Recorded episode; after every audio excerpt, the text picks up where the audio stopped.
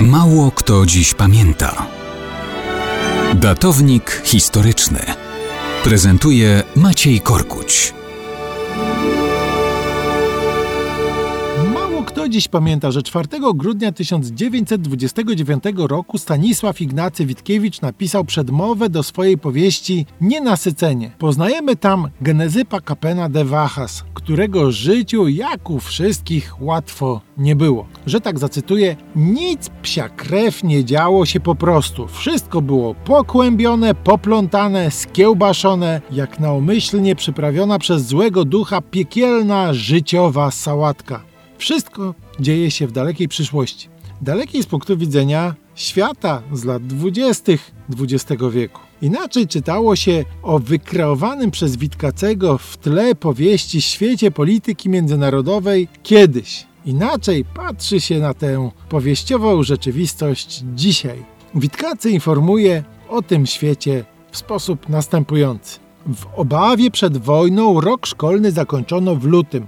Potrzeba było na gwałt oficerów. W marcu wszyscy się spodziewali nadzwyczajnych wypadków. Awangardy chińskich komunistów stały już na Uralu, o jeden krok od tonącej w kontrrewolucyjnych rzeziach Moskwy.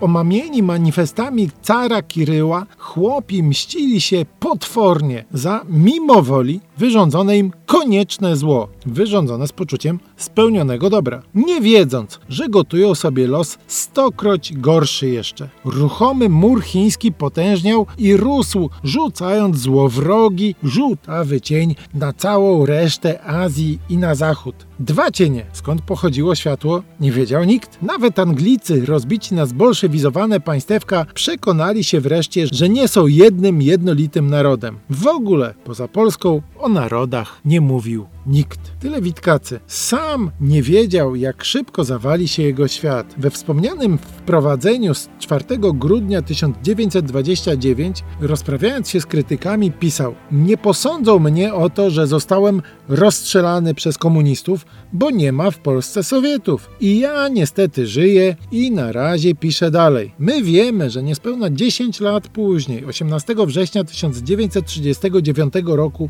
popełni Witkacy samobójstwo po tym, jak walcząca z Niemcami Polska zostanie zaatakowana przez bolszewicki Związek Sowiecki. Nie chciał tego, co będzie dalej oglądać, ani o tym pisać.